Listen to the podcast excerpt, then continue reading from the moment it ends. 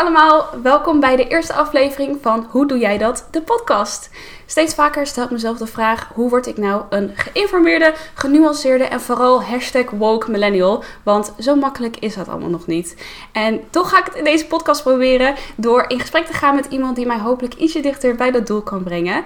En door hen de vraag te stellen: hoe doe jij dat? Probeer ik over zoveel mogelijk uiteenlopende onderwerpen ietsje wijzer te worden. En in deze aflevering hebben we te gast Roosmarijn Koster.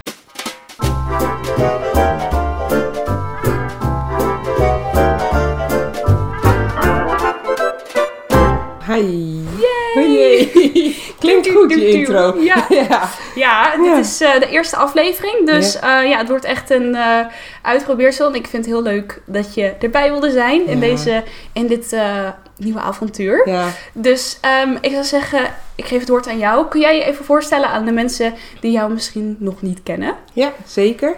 Eh, allereerst vind ik het ook heel leuk om hier met jou in gesprek te zijn. Omdat ik eh, veel naar je video's kijk. En los daarvan het alleen al leuk vind om met iemand te praten die ook video's maakt. Want Ja. ik, ik ben YouTuber. En eh, daarom best wel vaak alleen. Ja. Ik heb niet echt collega's waar ik Ja, op dagelijks eh, basis mee kan eh, sparren. Ja, Maar ik heb, ben begonnen als ontwerper. Ik heb opleidingen gevolgd als, om ontwerper te worden. Heb ik ook zes jaar gewerkt. Dat vond ik geweldig. oh wauw, leuk. Ja, bij grote commerciële merken. En toen ben ik twee jaar geleden... ehm, was ik in between jobs. Dus ik had Mhm. mijn eh, laatste baan opgezegd. En toen heb ik een camera gekocht om even helemaal lekker geïnspireerd te raken. Ja. Om iets te creëren wat helemaal Gewoon vrij werk jezelf, was. ja. autonoom, een autonoom projectje. Heb ik eerder ook al een keer gedaan met collages. En dit keer dacht ik, oh, ik ga een video maken over Amsterdam. Ja, Om zes uur 's ochtends, als de straten helemaal leeg zijn. Want dan krijg ik heel veel energie van. En dat wilde Ja. ik aan anderen laten zien. En die video is geëvolueerd in vloggen. Dus Ja. nu maak ik eh, video's voor YouTube. En die, ja, die gaan over vintage fashion en eh, Ja. Amsterdam. wat leuk zeg. En Ja. toen je dus die camera ging kopen, had je toen al de intentie om dat ook echt op YouTube te gaan zetten? Of was het gewoon iets dat je dacht, ik ga dit gewoon voor mezelf doen. En toen uiteindelijk dacht je, hé, hey, misschien kan ik op YouTube hier iets mee. Nee, wel, wel YouTube in gedachten. Ehm, dus ik wilde die video wel laten zien aan anderen. Mhm. Maar ik dacht toen nog heel klein. Dus echt vooral mensen die ik ken. En Oh zo, ja. ja, ik, ja, ik wilde wel dat mensen het konden gaan zien. Maar Ja. ik zat niet in grote aantallen te denken. En eh, wat wel grappig is, die video heeft zich ontwikkeld naar andere video's. En pas toen ben ik ook gaan kijken naar vloggers. Dus ik ja? heb Oh, daarvoor had je nog nooit- helemaal geen nee, eh, idee van de, van de wereld die daarachter zat. niks. Nee. Oh, wat dus ik want was zo bij mij juist Ja. heel erg begonnen. Oh ja, nee, maar daar ben ik dus ook benieuwd naar. Want ik schrik me kapot als ik jouw aantal subscribers zie. Wat is dit voor wereld? Wat Ja. een giga YouTuber ben jij. En, en hoe kan dat, weet je? Want voor mij is het nog zo nieuw allemaal. Dat ik denk, hoe kom je daar nou Ja. aan? En het is een hele irritante vraag, dat weet ik. maar toch hoop ik dat ik daar vandaag achter kom. Ja. Hoe je dat hebt geflikt en hoe je bent begonnen. Ja, nou ja, daar gaan we natuurlijk nog veel meer over hebben. Ja. Wat ik vooral heel erg leuk vond en waarom ik jou ook als eerste wilde betrekken in dit project, is dat we volgens mij best wel raak, veel raakvlakken hebben qua interesses. En eh, ik ben zelf sinds begin dit jaar eh, heel erg overgestapt op tweedehands en vintage. En eh, heel erg, ja, ook vooral met duurzaamheid in mijn achterhoofd. Dat was voor mij ook een van de belangrijkste redenen eigenlijk. Ja. En vandaar dat het me heel leuk, leuk leek om eh, dat vandaag ook met jou te Ja, bespreken. leuk, om eh, die verschillende perspectieven daarop te krijgen. Ja. Dus ik heb natuurlijk een aantal vragen voor jou, maar Ja. we hebben ook een aantal kijkersvragen. Oh, dus die gaan we later behandelen. Maar eh, dan weet een beetje de kijker ook wat ze kunnen verwachten vandaag. Ehm, dan, ja, we gaan het dus over van alles en nog wat hebben. Ehm, en eigenlijk vind ik het wel leuk om te beginnen, want waar komt jouw liefde voor tweedehands eigenlijk vandaan? Ja, ik wilde altijd heel eerlijk over zijn. Omdat het natuurlijk heel goed klinkt als ik zeg dat ik vooral zo duurzaam mogelijk wil leven. Ja. Maar het is niet helemaal waar. Want voor mij is dat niet genoeg een drive. Ja, Want ik ben in eerste instantie gewoon ontzettend eh, ehm, ja, gepassioneerd over mode. Dus ik Ja. wil me heel graag uiten eh, op een manier die ja, heel uniek is en bij mij Ja. past. En de kans om spullen te vinden die daarbij passen is groter in een kringloopwinkel, een tweedehandswinkel, dan in een reguliere modewinkel. Ja. met mijn budget. Want Ja. toen ik wat meer geld verdiende als ontwerper, kon ik gewoon ook mooie designerstuks Ja. en hele crazy merken zo kopen. Maar het is allemaal heel prijzig. En nu kan ik toch nog me uitdrukken door middel van tweedehands en kringloopspullen. Omdat ik daar ja, hele gekke, unieke stijls vind die nog niet in de mode zijn in mijn beleving. En waar je ook niet zo snel andere mensen mee ziet. Nee, precies. En ja, ik, ja ik, ik vind het gewoon geweldig. Maar het feit dat het tegelijkertijd duurzaam is, is voor Ja. mij heel belangrijk. Want ik Ja. kan absoluut niet in die wegwerp vibe meegaan van Nee. Primark en H&M. Dat vind ik gewoon niet meer van deze tijd. Nee, Dus oh ja, dat was ik wel leuk dat je dat zegt, Ja. want daar was ik inderdaad heel benieuwd naar. Want ik weet inderdaad dat je heel erg van de mode bent. En dat eh, was ik benieuwd of het in de duurzaamheidsaspect eh, had meegespeeld ook in jouw beweegreden. Omdat dat voor mij persoonlijk ook een van Ja. de dus, eh, belangrijkste redenen waren. ja, En hoe ehm, is die ontwikkeling dan bij jou gegaan? Heb je daar al langer soort van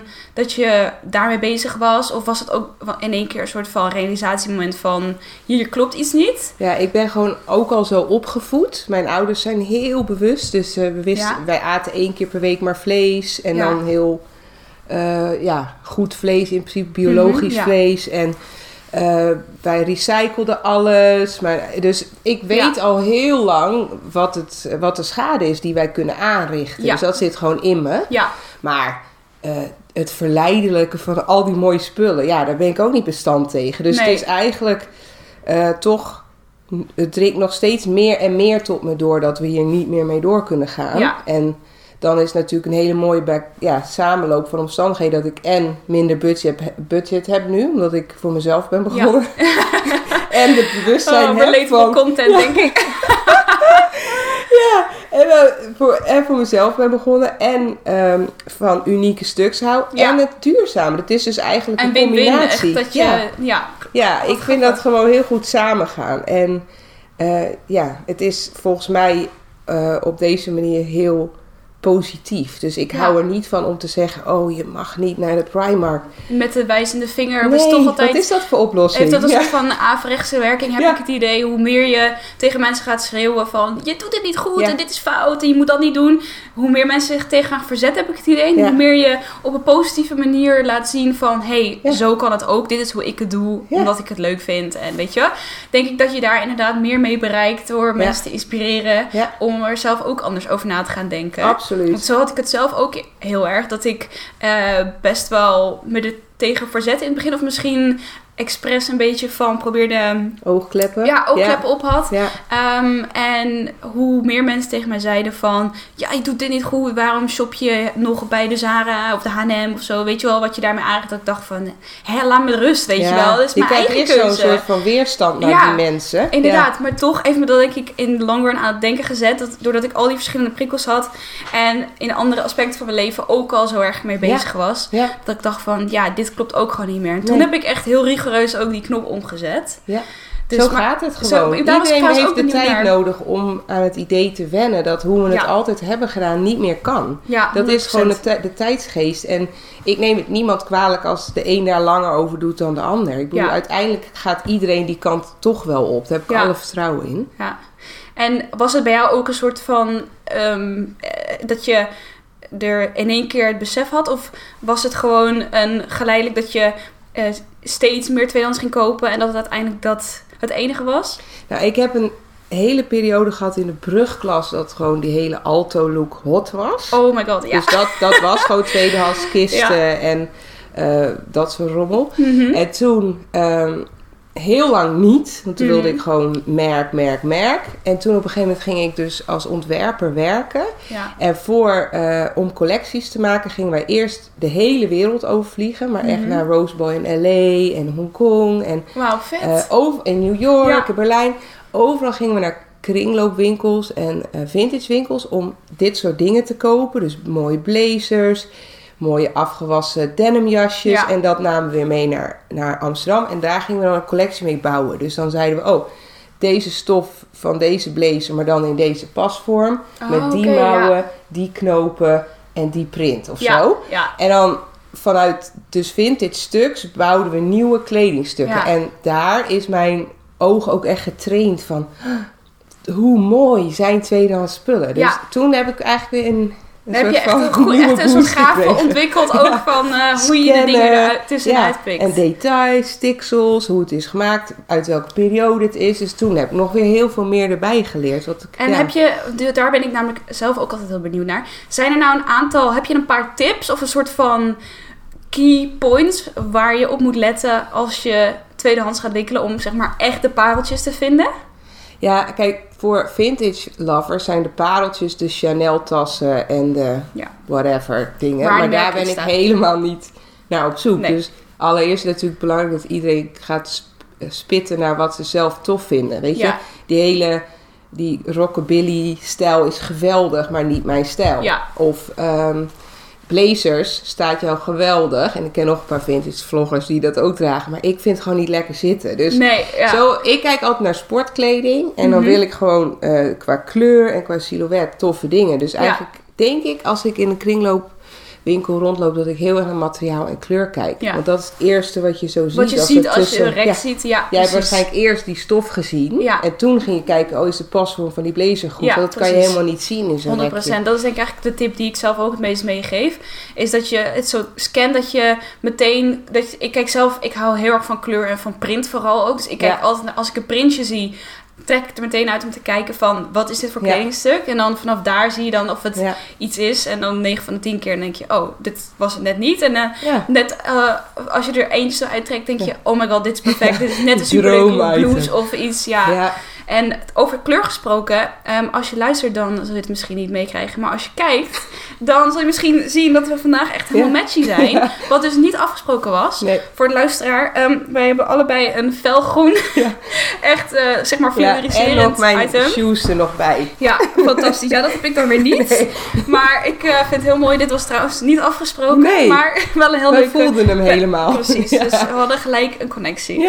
Koop je eigenlijk nog wel eens nieuwe kleding? Of ook, zeker. oh ja, Ja, absoluut. En ik vind ook daarom, kijk, misschien over tien jaar schaam ik me ervoor dat ik nog nieuw koop. Maar op dit moment vind ik eigenlijk dat je gewoon. Ik doe 80-20. Dus 80% kringloop, 20 nieuw. En dat zit hem dan in eh, kledingstukken die ik gewoon echt niet vintage kan vinden. Ja. Dus eh, schoenen vind ik lastig, qua Ja. maat, maar ook qua voetbed. Of ze nog helemaal lekker fris en alles zijn. ja. En eh, ja, zo loop ik ondergoed. En ook, ik heb nu een nieuwe winterjas gekocht.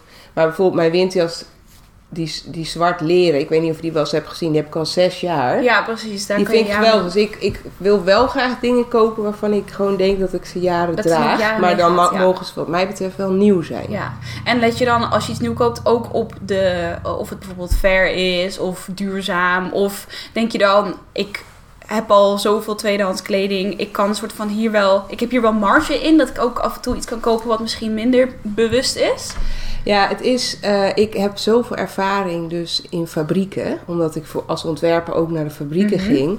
En ik weet hoe moeilijk het is om de ethiek daar te bewaken. Ja. Hè? Dus de, de, het overleven van bepaalde gezinnen Mhm. die dus moeten werken Ja, en graag lange dagen willen maken, zodat ze iets meer geld binnenkrijgen. ja, Ik heb op een gegeven moment bij ergens gewerkt waar ze niet langer dan acht uur mochten werken. En toen liepen ze ook allemaal bij die fabriek weg. Dan gingen Ja. ze weer naar. Dus dat betekent niet dat het fair is, maar het is best wel moeilijk om een mooie ja. werksituatie te bewaken. En eh, er is dan heel veel heat op zo'n merk als Primark of eh, H&M. Omdat dat gewoon de grote spelers zijn. ja. Maar ik weet gewoon dat zij ook degene zijn met de beste teams om te onderzoeken of dat wat een fabriek belooft ook echt wordt gedaan. Dus de afdeling eh, Corporate eh, Social Responsibility, Ja. die zijn het grootst bij hele succesvolle Bij merken. grote merken die eigenlijk ook Ja. de, de meeste kritiek Ja. krijgen. Ja, en die doen ook invallen. Dus die gaan onaangekondigd, onaangekondigd naar fabrieken om te checken of er inderdaad geen kinderen zitten als wij weer in Nederland zijn. Want het is natuurlijk heel makkelijk voor een fabriekeigenaar om even een mooi Een soort plaatje op te hangen. op ha- Ja, Ja, dus het is heel complex dit onderwerp, maar ik, ehm, ik weet wel dat het is niet per se zo dat eh, als iemand zegt duurzaam te zijn dat het ook zo is. Of als Mhm. een grote speler per se helemaal verkeerd doet. ja. Interessant, want ja, ik heb daar zelf, ik vind het als consument eh, heel erg moeilijk om te bepalen wanneer, eh, ja, waar ik nou goed aan doe. Want Ja. ik probeer ook zoveel mogelijk tweedehands te kopen, maar ook niet 100%. Ik denk 80-20 dat ik daar ook wel in Ja. de buurt zit. Want sommige dingen zijn nou eenmaal gewoon niet tweedehands te vinden en die heb ik wel echt nodig. Inderdaad, bijvoorbeeld bepaalde schoenen. eh, of ja, ondergoed, Sportkleding. sportkleding, jassen. Ik heb laatst ook een herfstjas gekocht die ik eerst echt tweedehands overal heb proberen te vinden. Want ik had iets heel specifieks in mijn hoofd, wat ik dan toch uiteindelijk nieuw vind. Eh, en dan daarin investeer dat ik er inderdaad nog jaren mee kan doen, hopelijk natuurlijk. Ja. Maar ik vind het echt heel lastig, want ik kijk heel vaak, ik probeer nu zoveel mogelijk ook echt duurzame merken te vinden. Die een belofte doen van, hè, we hebben organisch katoen, eerlijke werkomstandigheden. ehm, maar je weet het gewoon niet. En met een merk als H&M bijvoorbeeld H&M Group in het algemeen, eh, die staan inderdaad wel bekend dat ze echt zeg maar een soort van de slechte zijn. Maar als ik dan bijvoorbeeld ga kijken naar hoeveel ik zelf kan uitvogelen ervan, zijn ze inderdaad wel veel meer bezig eh, en ook veel transparanter over de stappen die ze nemen naar betere omstandigheden dan een kleine merkje waarvan mensen denken, oh het zal wel goed zijn, maar waar waarschijnlijk achter gesloten deuren veel slechtere praktijken gaan. niet maar met slechte intenties, maar die transparantie ontbreekt moeilijk. gewoon Ja. zo erg. En als consument is het gewoon echt zo moeilijk om erachter te komen waar je nou wel of niet goed aan doet. Ja. En hoe ja, je kleding niet alleen maar waar het gemaakt wordt en waar het vandaan moet komen, maar ook ja, wie heeft dat gemaakt? Eh, hoe wonen zij? Wie hebben zij te onderhouden? Wat is voor hun fijner? Meer uren maken of eh, weet je wel, Ja, die mensen Eh, weet- zeiden ook, ja, wat moet ik met die vrije tijd? Ik heb geen geld om iets te doen. iets leuks te gaan doen. En dat is denk ik Maar een dit- kwestie ja. die heel, wat nu heel veel mensen hebben. eh, is dat je het beter wil doen. Maar dat de markt er gewoon nog niet goed genoeg op is ingesteld. Dat consumenten gewoon bewuster zijn. Want als je kijkt naar bijvoorbeeld vijf jaar geleden. Was er waarschijnlijk veel minder interesse in de werkomstandigheden of de productieomstandigheden van onze kleding. Omdat mensen gewoon nog in een heel andere mindset waren. Terwijl nu is het zo snel veranderd en de, de, de klant is niet meer dom, zeg maar. Die, die houdt zich ook niet meer dom. Die wil gewoon weten van what's going on. Ja, En dat is denk ik dat de markt nu nog een beetje achterloopt. Dat daar te weinig bekend over Ja. is hoe dat nou zit. ja, maar dat, ik geloof wel dat dat gaat komen. Want de eerste intentie is goed met alle documentaires over hoe kleding wordt gemaakt. Ja. En hè, duurzame initiatieven. Dus het gaat die kant op. En uiteindelijk zal er wel een systeem en een, en een manier zijn om alles echt te kunnen checken. Ja, Maar het is veel complexer nog dan het lijkt. Want Ja.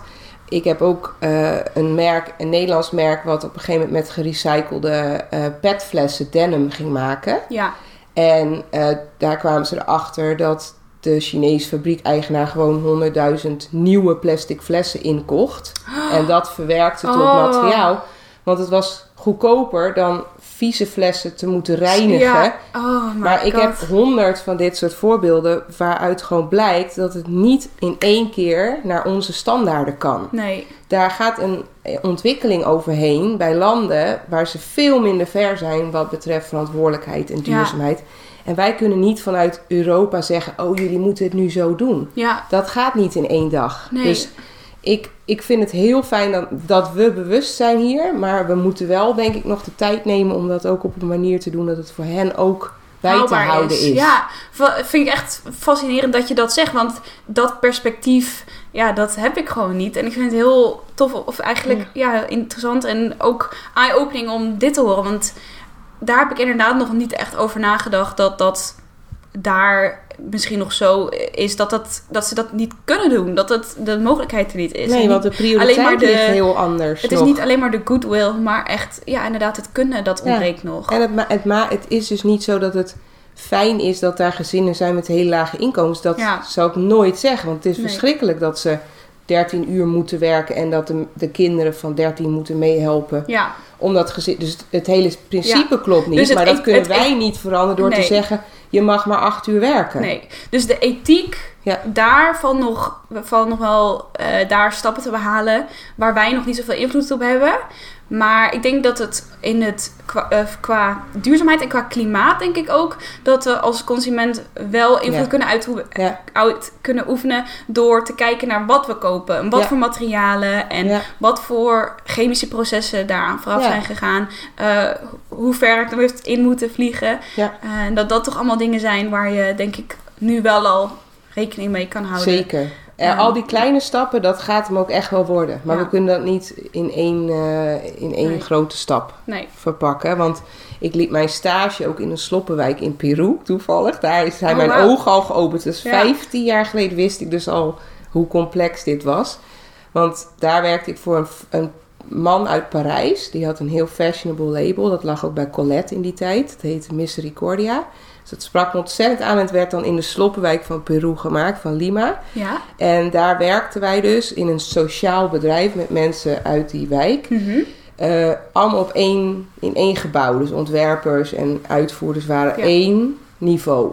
Oh wauw. Geweldig. Ja. En hij begon elke ochtend met een speech over hoe je verandering kan veroorzaken en hoe we het met elkaar doen. En dit is 15 jaar geleden. Ja, 15 jaar geleden. Maar dit is dus ook mijn voorbeeld van totale mislukking. Want Oké.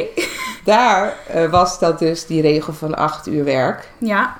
En die speeches ochtends. Maar die mensen zitten helemaal niet op een speech te wachten van een man uit Parijs over hoe je de wereld kan veranderen. Mhm. Die mensen moeten gewoon brood op de plank hebben om hun gezin te voeden. Die hebben En niet de daarna- luxe om na te denken Nee. over Nee. het grotere plaatje. Nee, dus wij rushen dan ons idee bij mensen die dus eigenlijk nog bezig zijn met hoe overleef de ik. basisbehoeften. Ja, je kan ja. pas open-minded zijn als je genoeg te eten hebt, Als je zeg ik de- altijd. ja. Nee, ik vind Ja. wel ja, Ja. echt een, go- een goede, want dat zijn denk ik toch dingen waar we misschien voor- in, ja, in Europa en gewoon de westerse wereld nog een beetje eh, oblivious voor zijn. Om bij, bij gebrek aan een Nederlands woord.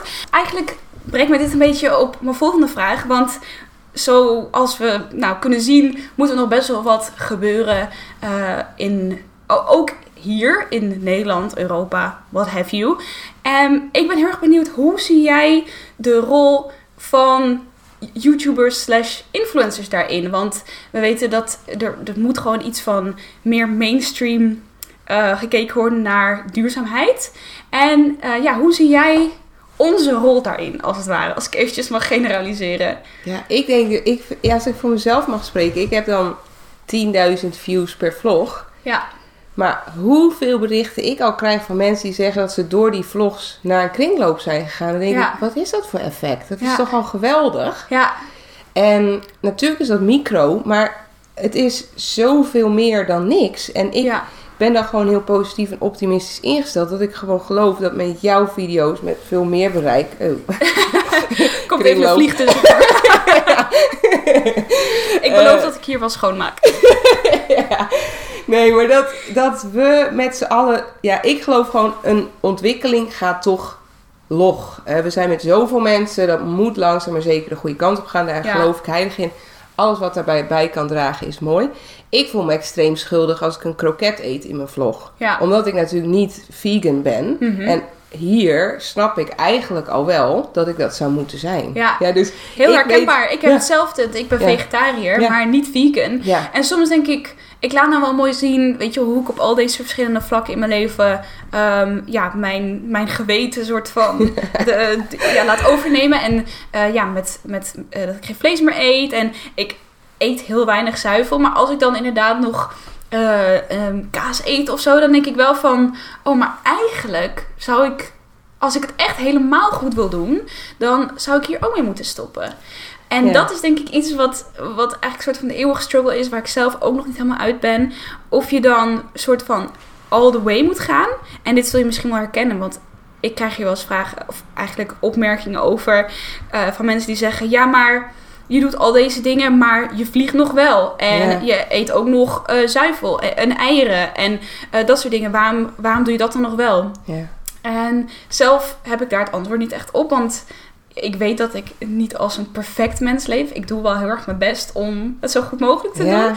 Maar is daar zeg maar, wat is die middenweg? Waar ligt de grens Ja, van ik ga daar... wanneer ja. doe je het goed genoeg? Ja, maar ik vind, eh, ik vind dit gewoon überhaupt waste of energy. Dit hele verhaal met dat jij als influencer verantwoordelijk wordt gehouden voor het gedrag van andere mensen, dat is Mhm. natuurlijk gewoon onzinnig. Ja. Ik schat mijn kijker echt hoger in dan dat ik voor hen bepaal wat zij doen. Ja. Ik bedoel, leuk als ik ze kan inspireren, maar ik bepaal echt niet hoe zij hun leven moeten leiden. Nee. Dat hoop ik dan in ieder geval. Dus ik vind dat heel flauw als mensen dan tegen jou gaan zeggen: Oh, je eet nog een ei of je eet nog kaas.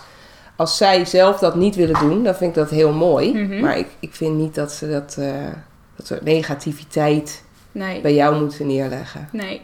En wat vind je dan bijvoorbeeld van, misschien een beetje een lullige vraag, maar ik ga hem toch stellen, van andere vloggers slash influencers, eh, ik haat dat woord, maar dan weet iedereen waar we het over hebben, die wel nog heel erg, ehm, ja, eigenlijk soort van tegenwoordig, eh, ik wil niet zeggen controversiële dingen laten zien, maar dingen die als misschien niet zo bewust worden gezien, dat die dat nog wel heel erg laten zien. Ja, ik denk dat dat eh dying is, dat, dat soort video's. Ja? Het gaat niet lang meer duren, dus ik vind dat niet erg. Ik heb zoiets, ja, als er nog steeds mensen zijn die daar heel graag naar kijken, dan bestaat het nog. Ja, Eh, op het moment dat iedereen zover is dat ze snappen dat je dat niet meer kan doen, dan zal het ook stoppen. ja.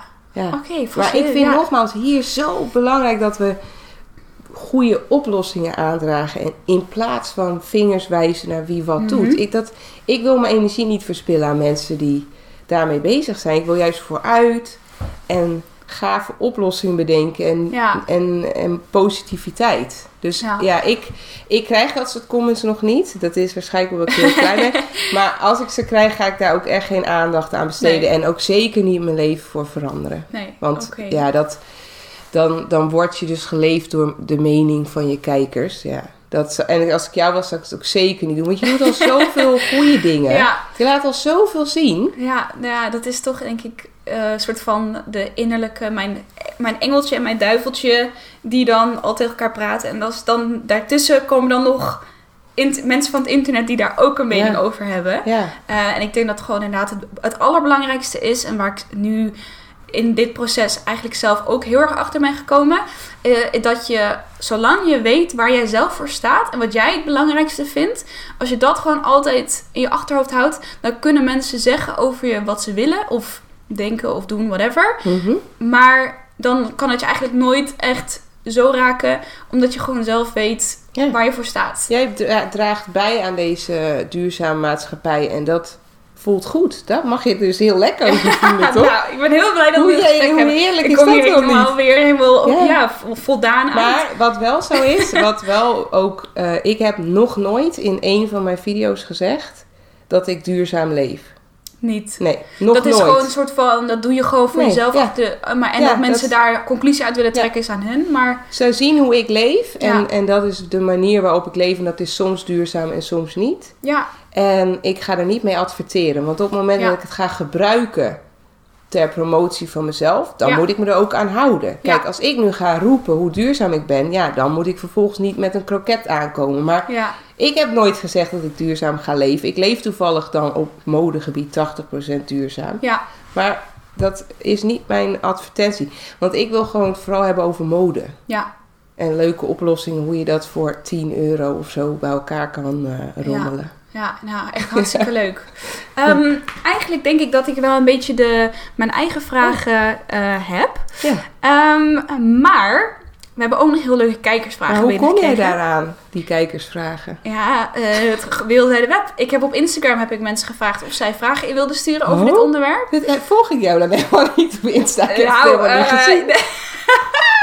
ik shame heb on you. gemist. Ja, bij deze. Oh, Ehm, dus we hebben een aantal heel leuke binnengekregen. Oh. Dus die wil ik ook eventjes Ja, aan jou, eh, eh, tegen jou aangooien. Doe Ehm, maar. Dit is eentje die was heel vaak gesteld. Eh, deze is toevallig van Laura. En zij vroeg, hoe ontwikkel je een kledingstijl die echt bij je past? Ja, die vraag Want snap ik eh, wel jij goed. hebt natuurlijk een heel uitgesproken mening. Of eh, mening. ik weet niet een heel uitgesproken Oh. mening. Volgens mij wel. Maar heel uitgesproken stijl. Ja, En je bent niet bang om te laten zien. Je gebruikt het echt als zelfexpressie. En ik herken me daar ook wel in. Ja. Dat ik het echt gebruik als een manier om te laten zien wie ik ben. Of hoe ik me voel die dag. Of weet je. Maar er zijn natuurlijk best wel veel mensen die nog niet zo goed weten wat hun stijl is. En hoe ze dat willen Ja. uiten. Ja. En ik, als ik even voor mezelf mag spreken, eh, ik heb zelf ook heel lang niet geweten wat mijn eigen stijl was. Maar ik denk de, de key is om gewoon verschillende dingen te proberen. En uiteindelijk dan kom je er wel achter wat, wat blijft kleven, zeg maar. Wat, Ja, wat je vaker pakt. ja, Ja, ik, zou dat, ik, ik vind dit zo'n makkelijke, maar daardoor ook zo'n moeilijke vraag. Ja. Want ik denk daar dus eigenlijk niet over na. Eh, Ten eerste vind ik dat gewoon voor lekker jou was het gewoon meteen heel duidelijk van dit ben ik en dit is wat ik leuk vind. Ja, maar ik zou me zeker niet willen committen aan één stijl. Nee. Dat vind ik echt het saaiste wat er is. Ja. Want ik heb alle stijlen in mijn kast. Maar dat, is de, maar dat maakt jouw persoonlijke stijl dan. Ik denk Ja. niet dat jouw eigen stijl hoeft niet maar eentje te zijn. Dat Nee. kan juist inderdaad heel veel verschillende gecombineerd zijn. Ja, want ik heb vriendinnen die bijvoorbeeld altijd in het zwart en heel smaakvol gekleed zijn. En elke keer als ik ze zie, denk ik, wauw, wat zie je er goed uit. Ja. Maar als ik dat elke dag aan zou moeten, zou ik echt gek, gek worden. Ja. Dus daarom zou ik zeggen, oh ja, je moet het mooi vinden. Ik vind ook belangrijk dat het goed staat. Mhm. Dus als ik naar mezelf in de spiegel kijk, wil, ik wel ja. dat ik denk, wow, dat doet wat voor Dat me. doe ja. het moet ook heel lekker zitten. Ja. En ik heb eigenlijk al mijn hele leven ontzettende liefde voor sportkleding. Dus Mhm. streetwear. Ik ben bijna nooit echt geïnspireerd, geïnspireerd door catwalk collecties. Ik vind het helemaal niet zo leuk om daar naartoe te gaan, naar de Fashion Week en zo. Ik vind het veel toffer om dus foto's van Kanye West en Kim en iedereen te checken. Wat hebben ze aan op straat als ze Ja. naar de supermarkt lopen. Dat vind ik tof. Dus voor mij zou het streetwear kunnen zijn. Ook vind ik dat echt een irritant woord. Maar, Maar daar ben je gewoon natuurlijk achter gekomen. ja, dat vind ik gewoon het zo- mooist. ja. Ik vind het heel mooi staan, sportkleding. En ik vind het lekker zitten en ik vind het cool. En ehm, ja, je kan er heel uitbundig mee zijn. Maar ik heb laatst ook die gala jurk, zo'n Hindoestaanse partydress gekocht. Maar dan bijvoorbeeld met deze schoenen leek me geweldig. Oh ja, dat contrast. Ja, Ja. want dat wilde ik net trouwens nog zeggen toen we het hadden over waar kijk je naar in de kringloopwinkel. Stel dat die jurk heb ik gepakt en ik vond qua kleur silhouet geweldig en ik trok hem aan. Hij zit niet perfect bij mijn buik, hij is ietsje te los. Ja. En dat mag eigenlijk niet bij zo'n jurk, want het is heel constructed. Er zit Ja. een eh, corset in. Oh, oké. Ja, en dat staat niet mooi. Dus ik ga dan, dus vervolgens als je iets vindt, net als wat jij nu met die mouwtjes doet, even oprollen. Ja. Misschien ooit zou je nog een keer een riem erom kunnen doen. Dat doe ik. Dus het is geweldig, maar je moet ook nog dan creatief zijn met hoe kan ik hem net beter laten staan en beter laten Dat het bij zitten. jou past. Ja, dus ik kan Ja. een ding omheen knopen of een buideltasje Mhm. of een lange sweat dat je alleen maar de onderkant ziet. Dus Ja. dan nog kun je ook nog weer heel veel doen met van die oplossingen. Ja, leuk. Oh ja, echt tof. Want dit is inderdaad... Het tweedehands winkelen maakt je ook wel echt veel creatiever met Ja. wat je draagt... dan wanneer je gewoon naar de winkel gaat en iets uit het rek pakt... wat precies in jouw maat zit, waar er tien van hangen. Ja. En weet je, Ja. wat met jou ook zoveel anderen hebben. Eh, dat maakt je, je moet wel even in oplossingen denken ook. Eh, en net even out of the box. Ja, ja dat is dat ook is het denk ik ook ja. Wat ik zelf ook denk ik een van de leukste aspecten eraan vind sinds ik het doe. Dat ik echt eh, mijn stijl zoveel meer heb kunnen ontwikkelen ook.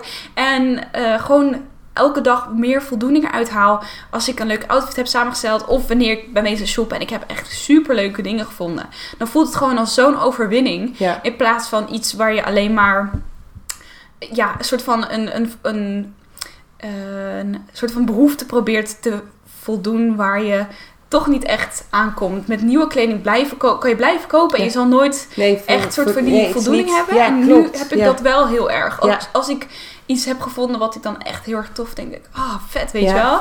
En nu heb ik dat en ja, dan dat is kan een ik... kick, hè? Ja. Als je al speurt en speurt en speurt en dan opeens zie je iets en dan is het 4 euro. Ja. En dat ook nog eens. Hoe geweldig. ook heel ja, want dat zeg ik ook. Je kan dus heel veel kopen Ja, zonder dat je dus vervuilend bezig bent. En qua budget ook. En ik geloof Ja. dan ook heilig in dat circulaire, dat je het daarna dus weer doorgeeft. dit vind ik heel goed. mooi dat je dit zegt, want hier hebben we een vraag over Oh. gekregen. Precies dit Oh. onderwerp.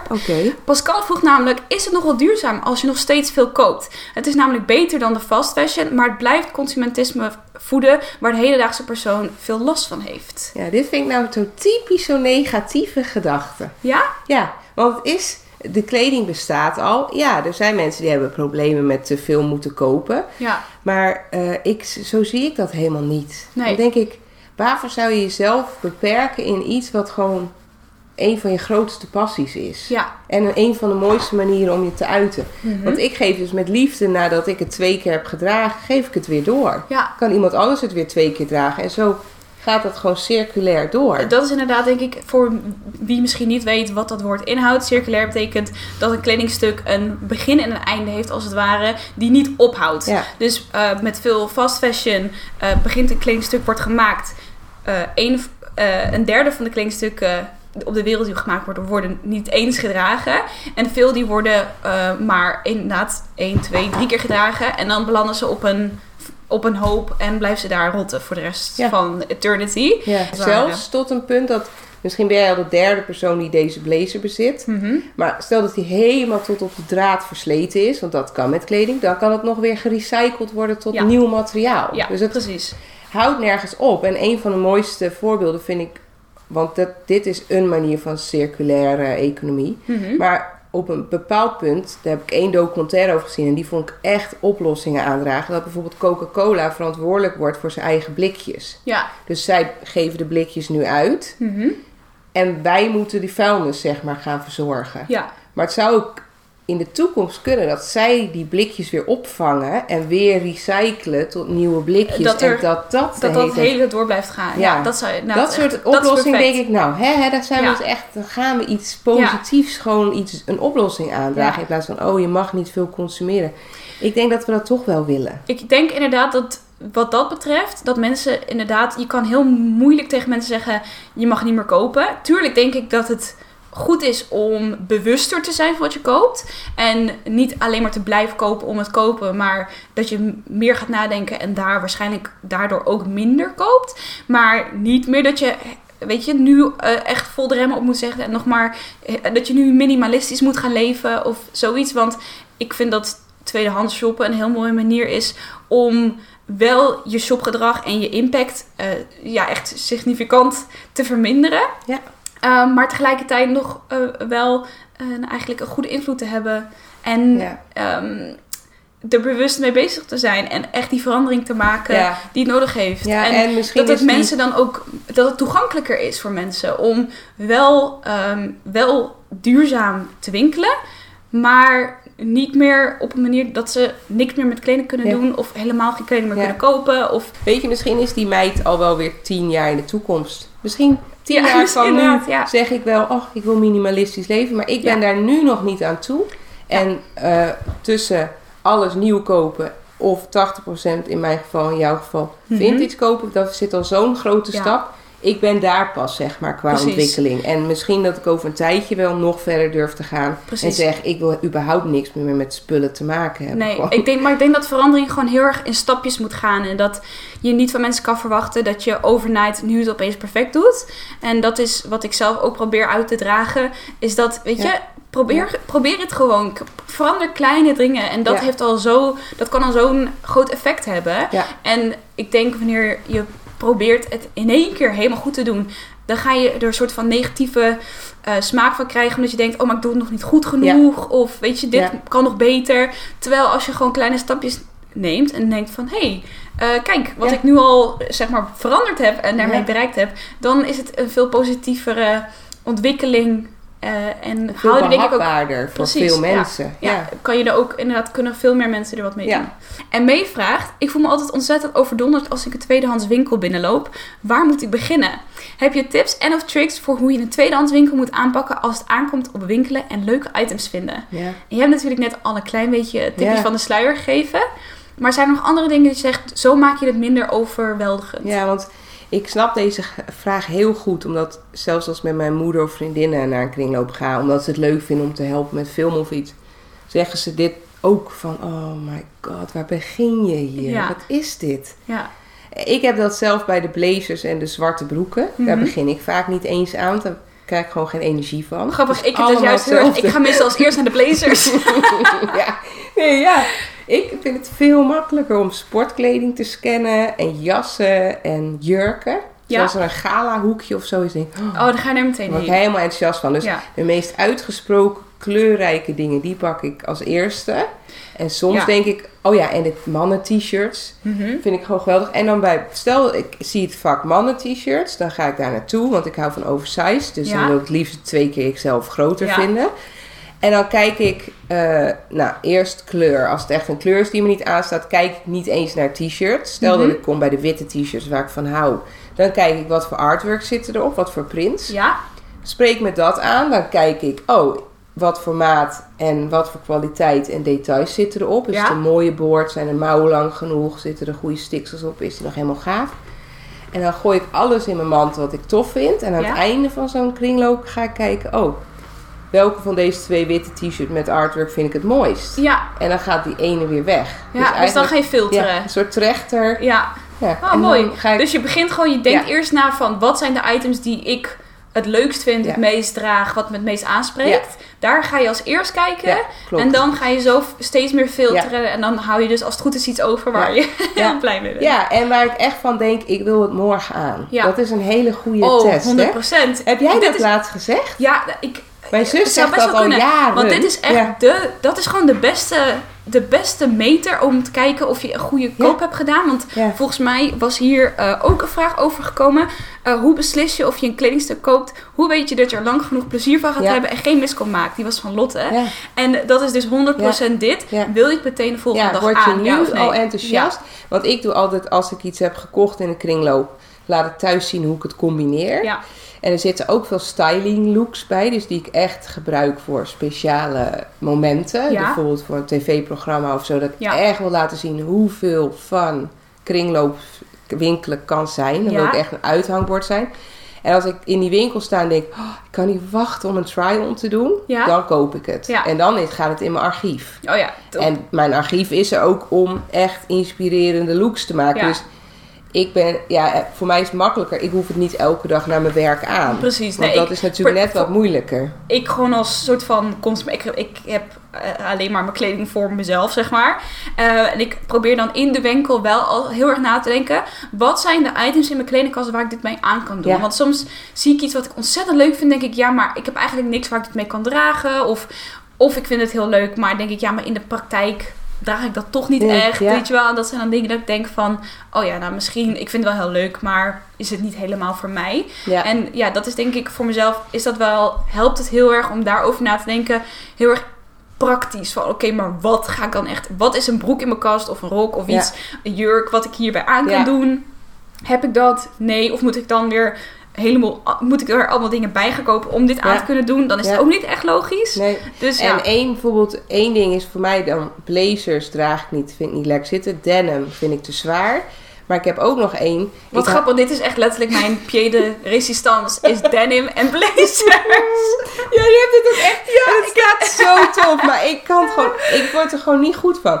Want dit is de helft in gewicht als dat. Ja. Dus dit is gewoon comfy. Maar ik weet bijvoorbeeld ook, ik vind panties echt niet mooi. Als je zo'n zwarte panty ziet of zo, of Mhm. met, met dessin of glitters, vind ik gewoon echt niet mooi. Dus alle jurken die in de winter aan moeten, of rokken, hoef Met- ik gewoon niet eens mee te nemen. want ik ga het nooit dragen, hoe Nee. mooi ik hem ook kan vinden. Je Dan weet ik van al, panties, dat ja. ben ik gewoon niet. Dat is toch gewoon, dan weet je gewoon meteen dat hoef je niet, niet aan te beginnen. Ja. Zal ik nog twee doen? Ik heb namelijk echt nog twee toffe vragen die ik even wil behandelen. ja, zeker. Eh Aiko die zegt namelijk... Hoi, mijn kledingstijl is eigenlijk heel saai. Ik draag altijd een zwarte broek... omdat ik mijn bovenbenen te dik vind met een t-shirt of een trui. Ik vind het heel erg moeilijk om uit die comfortzone te stappen qua kleding. Als ik een keer een blouse of een kleedje... Ik heb even deze aangepast voor de luisteraar. Jurk. Ja, dacht ik Dus al. dat Vlaams. ja. Ehm, eh, de aandoen, eh, hou ik dat niet langer dan 10 minuten uit en wissel ik ze in voor weer een standaard kledingstuk. Hoe kom ik van deze situatie af? Ja. Ja, ik snap haar heel goed. Want ik heb ook wel... eh, ik heb gewoon ook in mijn cyclus, hè, als vrouw, gewoon soms helemaal geen zin in lastige kledingstukken. Dan wil ik gewoon heel comfy Ja. en voel ik me gewoon opgeblazen, whatever. Eh, daarom vind ik dit ook zo heerlijk. Dus Mhm. ik ben wel uitgesproken nu met mijn outfit. Ja. Maar niet, ik lever niet in op comfort. Dus Nee. ik heb gewoon heel veel kleding die lekker zit en die ik goed vind staan. Ja, Maar haar probleem met, oh, mijn figuur en mijn bovenbenen en dat, ja, to be honest, daar ben ik echt geen expert in. Want Nee. ik ben geen stylist voor andere mensen. Nee. Want dat is echt een vak. Ja, Om te kijken wat staat mooi bij iemand. Maar als je dan bijvoorbeeld kijkt naar hoe je uit je comfortzone kan komen. Ik denk dat kleding ehm, moet je niet op jezelf willen forceren of een bepaalde stijl. Ik denk dat jouw kledingstijl is gewoon waar jij je goed in voelt. En als je nou altijd lekker vindt om inderdaad zwarte kleding aan te doen, dan is daar niks mis mee of zo. Dat moet niet iets zijn waar, nee, waarvan je denkt, dat hoort niet. maar zij vindt het zelf niet leuk. Maar zij, volgens Ja. mij, ja, ze wil dus liever uit haar comfortzone komen. Ja. Dus ja, wat zijn dan dingen, Ja, wat van praktische tips? Ja, Ja, kijk, ik, zou, ik, ben wel, ik weet wel hoe moeilijk het is om buiten je comfortzone te gaan... omdat je bang bent dat mensen wat van gaan zeggen. Want Ja. dat ken ik, dat gevoel. Ik wil namelijk geen aandacht hebben, maar dat krijg je wel Ja. als je andere dingen aan hebt. Maar dat is bij haar niet het probleem. Volgens mij durft ze wel, vindt ze het gewoon niet mooi staan. Ja, ik denk dat je kledingstijl is iets wat je gewoon, waar jij je lekker in moet voelen en waar een ander, dat een andermans mening moet daar geen rol in spelen.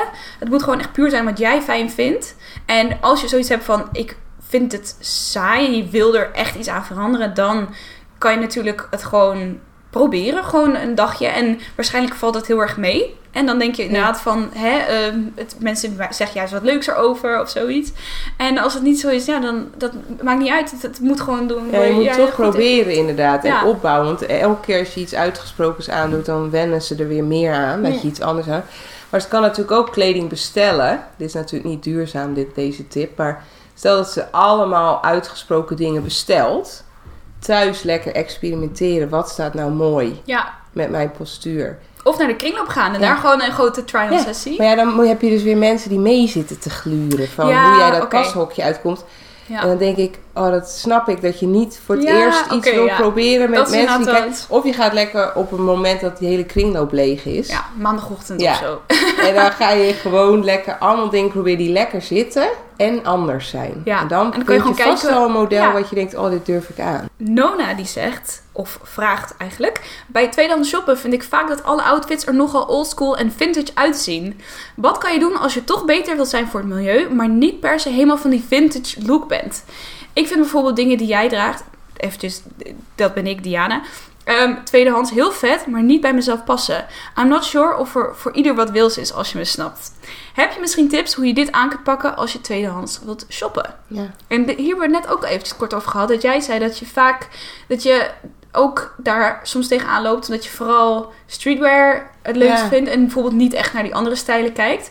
Nee, maar ik snap haar heel goed. Want ik Herken hou jij helemaal, dat? Ja, ik hou helemaal niet van het stoffige, antiekerige gerommel daar. Nee. Met al die, al die retro decens en zo. Nee. Ik word daar ook niet goed van. Dus Nee. ik, maar ik, Maar jij bent denk ik wel het lopend bewijs. ja, of dat- voorbeeld dat het echt niet muf hoeft te zijn. Precies. Echt niet. Nee. Want ik pak juist alle frisse en crispy en sporty en high-tech dingen daar. Ja, en is dat dan altijd in een kringloop? Want je hoeft natuurlijk tweedehands niet alleen maar in een kringloop te doen. Je hebt inmiddels zoveel verschillende manieren waar je tweedehands kleding kan Ja. kopen. Ja. Gebruik je ook wel eens andere Ja, Uni- zeg maar? United Wardrobe eh, is perfect voor schoenen die nooit gedragen zijn door iemand. Mhm. Die nog helemaal fris zijn. Ja, En ik heb daar ook die Nike trackpants en zo gevonden. Die Oh ja. helemaal van nu zijn. Dus ja, ik weet zeker dat zij dat wel kan vinden. Want Ja. jouw smaak is inderdaad wel met zo'n vintage blazer duidelijk. Zo van, oh, het is vintage. Ja. En eh, dat staat jou heel goed. Maar als zij dat niet mooi vindt, weet ik zeker dat ze ook echt wel andere dingen kan vinden. Je hoeft niet alleen maar tweedehands te shoppen als je die vintage look leuk Nee. vindt. Het kan er heel veel verschillende kanten mee op. Ja, vind ik ook. Het, het, het catert wel voor, eh, ja, voor ieder wat wils, wat zij al zei. Ik geloof dat dat wel zo is. Dat je misschien gewoon moet weten waar te zoeken. Ja, het is wel oefenen, oefenen, oefenen. Want ik doe het zo lang al dat ik denk, ja, voor mij voelt het heel makkelijk nu. Maar ik snap wel dat als je hiermee wil beginnen, dat je echt even niet weet waar je moet beginnen. Ja. Zoveel rommel zit er ook tussen. Ja, Moet je echt doorheen kunnen kijken. ja, en dus gewoon oefening kunst. Begin er gewoon mee en kijk wat je tegenkomt. Ja. Ja. Nou, ik Begin gewoon een- met een ha- mooi handtasje of zo. Weet je, dat hoeft niet eens perfect te zitten. En zo heb je geen gedoe met paspoort. maar Oh dan ja, kan je gewoon lekker naar de tassenafdeling van een kringloopwinkel. En dan vind je vast een mooi dat is gewoon tasje. universeel. Ja. Ja. ja, precies. Goeie tip. Ja, echt goed beginnen. Leuk. Oké. Nou, eh Roosmarijn, ik vind het eigenlijk een heel mooie afsluiter. Eh, en ik denk dat we echt heel veel onderwerpen besproken hebben. En ik ben hier ook echt wijzer van geworden. Oh, dus dankjewel. Want jij hebt echt weer een heel ander perspectief op de dingen dan ik. Ja, Dus dat vind ik wel leuk. Want in eerste instantie denk je, we hebben veel overeenkomsten. ja voelde ik Maar je wel hebt- ook. Maar, Maar, je hebt ja. ook weer heel andere, ja, toch eh, visie op de dingen. Dus dat vond ik echt eh, ik heel erg leuk. Dus Fijn. Dus dankjewel dat je als eerste gast erbij wilde zijn vandaag. Ja, jij ook eh, bedankt. Ik wil ook heel erg de kijker bedanken. Of de luisteraar natuurlijk. Ligt eraan waar je bent of waar je, waar je dit consumeert. En ik hoop natuurlijk dat jullie ook hier wat uit hebben kunnen halen. En dan wil ik jullie alleen nog heel erg danken voor het kijken en of, en of luisteren. En ik spreek jullie snel weer. Doeg.